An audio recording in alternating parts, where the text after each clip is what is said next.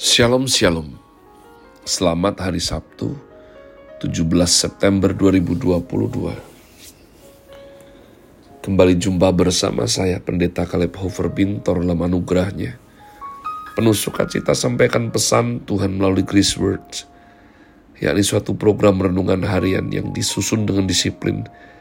Kami doakan dengan setia supaya makin dalam kita beroleh pengertian mengenai iman pengharapan dan kasih yang terkandung dalam Kristus Yesus.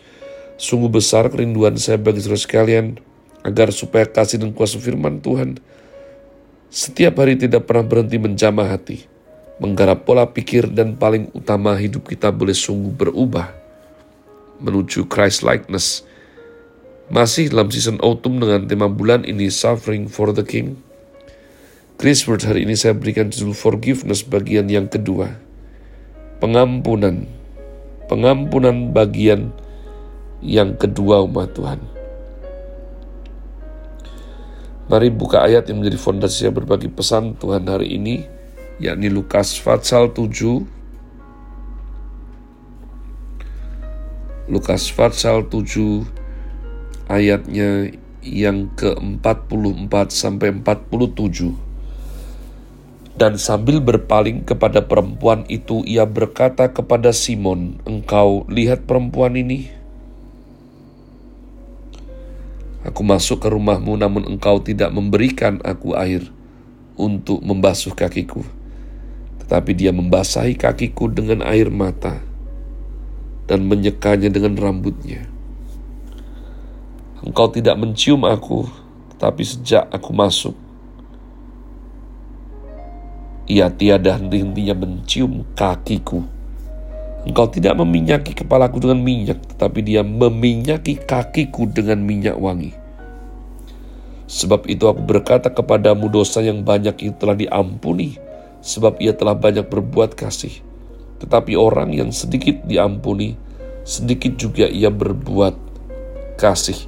Matuan tempo hari sudah saya sampaikan, dosa yang banyak telah diampuni sebab ia telah banyak berbuat kasih. Ya, perhatikan dosa yang banyak diampuni karena ia banyak berbuat kasih. Tetapi orang yang sedikit diampuni, sedikit juga ia berbuat kasih. Nah umat Tuhan renungkan baik-baik. Mana terlebih dahulu? Diampuni terlebih dahulu atau berbuat kasih? Apakah Tuhan mengampuni setengah-setengah? Nah, dari sini kita lihat orang yang makin dilepaskan bebannya, dia akan bersuka cita dan hatinya limpah dengan ucapan syukur. Ya, pengampunan diberikan oleh Tuhan. Tapi pemahaman mengenai pengampunan tersebut itu merupakan proses perjalanan kita mengikut Kristus. Apakah kita bisa mencerna Apakah kita bisa memahami atau tidak? Betapa kalau bukan karena anugerah Tuhan, kita tidak akan ada di tempat ini sebagaimana kita berada umat Allah. Jadi kalau kita masih hidup, apakah engkau bersuka cita, bersorak kegirangan? Kita yang seharusnya mati karena dosa, tapi beroleh hidup yang disertai Tuhan sampai hari ini. Perempuan tersebut ditafsirkan salah satunya yang saya suka adalah perempuan yang tertangkap berzina di Yohanes 8 ayat yang keempat umat Tuhan. Maka Maria, demikian nama perempuan tersebut, menerima banyak kasih setia Tuhan. Lukas 8 ayat 1 dan 2. Tidak lama sesudah itu Yesus berjalan berkeliling dari kota ke kota dan dari desa ke desa, memberitakan Injil Kerajaan Allah. Kedua belas muridnya bersama-sama dengan dia dan juga berapa orang perempuan yang telah disembuhkan dari roh-roh jahat atau berbagai penyakit, yaitu Maria yang disebut Magdalena yang telah dibebaskan dari tujuh roh jahat. Umat Tuhan, this is psychological reality. Dosa terbesar bukan dosa, tapi sikap. Ya. Ketika kita diampuni, kita memahami pengampunan tersebut, itu akan timbul rasa syukur yang hebat sekali. Yang membuat kita tahu diri. Nah ini, tahu diri itu adalah tanda kita memahami indahnya pengampunan yang Tuhan beri. Tapi tanpa tahu diri berarti kita tidak paham atau kurang paham bahwa kita sebesar itu diampuni.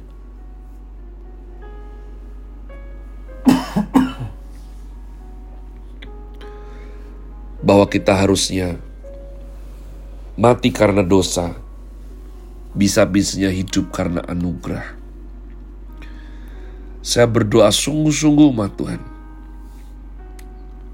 Kenapa bisa beda? Kenapa ada orang bisa diampuni, memahami pengampunan hidupnya begitu berubah? Tapi ada orang-orang yang sangat dangkal. Ada orang-orang yang ikut Tuhan, hidupnya sebatas menghafalkan lagu rohani yang indah. Tapi hidupnya sendiri belum berubah menjadi indah Matius 13 ayat 4 dan 5, Markus 4 ayat 4 dan 5, Lukas 8 ayat yang kelima, mengisahkan kisah yang sama. Pada waktu ia menabur sebagian benih jatuh di pinggir jalan, lalu datanglah burung dan memakannya sampai habis. Sebagian jatuh di tanah yang berbatu-batu, yang tidak banyak tanahnya. Lalu benih itu pun segera tumbuh, karena tanahnya tipis tetapi sesudah matahari terbit layulah ia dan menjadi kering karena tidak berakar. Sebagian lagi jatuh di tengah semak duri.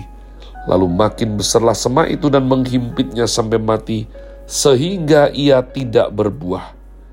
Dan sebagian jatuh di tanah yang baik. Ia tumbuh dengan suburnya dan berbuah. Hasilnya ada yang 30 kali lipat, ada yang 60 kali lipat, ada yang 100 kali lipat umat Tuhan, rupa-rupa yang membuat perbedaan adalah bagaimana benih firman Tuhan itu jatuh di hati yang seperti apa. Saya yakin sampai hari ini umat Tuhan, ya, bahwa ketika kita nih paham, kita nih hampir mati, lalu beroleh keselamatan, Bukankah seharusnya jiwa kita melompat gembira, melompat penuh sukacita umat Allah? Dari sini, perumpamaan ini kita melihat ada berbagai macam jenis. Yang pertama, zero ordinary, pinggir jalan. Ya, orang-orang seperti ini dengar khotbah seperti tidak dapat apa-apa. Zero value parah sekali. Dia hanya berkisar sebagai lucu, menarik, tapi pada waktu betul-betul terjadi situasi khusus di hidup sehari-hari, dia akan kembali putuskan dengan egonya. Mentah sekali. Ya, benih firmanya dimakan burung. Yang kedua, tertiary sociality. Random attractive. Jadi umat Tuhan, yang dua dikatakan apa? Jatuh di tanah berbatu yang tidak banyak tanahnya. Benih segera tumbuh karena tanahnya tipis. Tapi sebelum berbuah, sebelum mengapa-ngapa sudah pasti mati. Umat Tuhan, ini mirip fashion. Oma saya selalu bilang bahasa Bandung, epe moroha. Ya, hangat-hangat tai ayam hanya awalnya saja sepertinya semangat tapi dengan cepat gembos semangatnya. Saya ingat pada waktu zaman trending kamera DSLR, saya langsung juga beli sesuai daripada petunjuk teman saya. Dan kamera tersebut hanya saya pakai sekitar dua bulan. Itu pun betul-betul karena saya merasa bersalah sudah terlanjur beli. Tapi dua bulan kemudian saya putuskan kasih ke anak rohani saya. Bagaimana?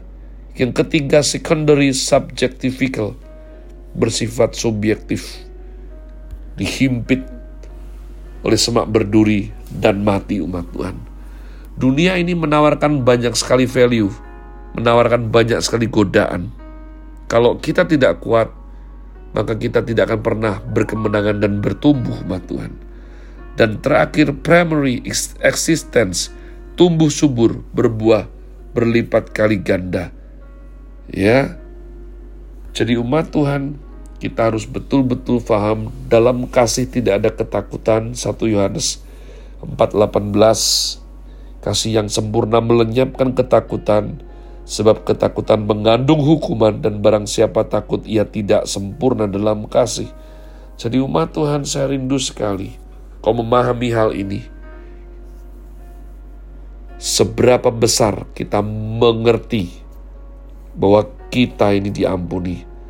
Seberapa besar itu pula kita akan mempunyai jiwa yang luas untuk mengampuni mereka yang bersalah kepada kita. Have a nice day. Tuhan Yesus memberkati saudara sekalian. Sola. Grazie.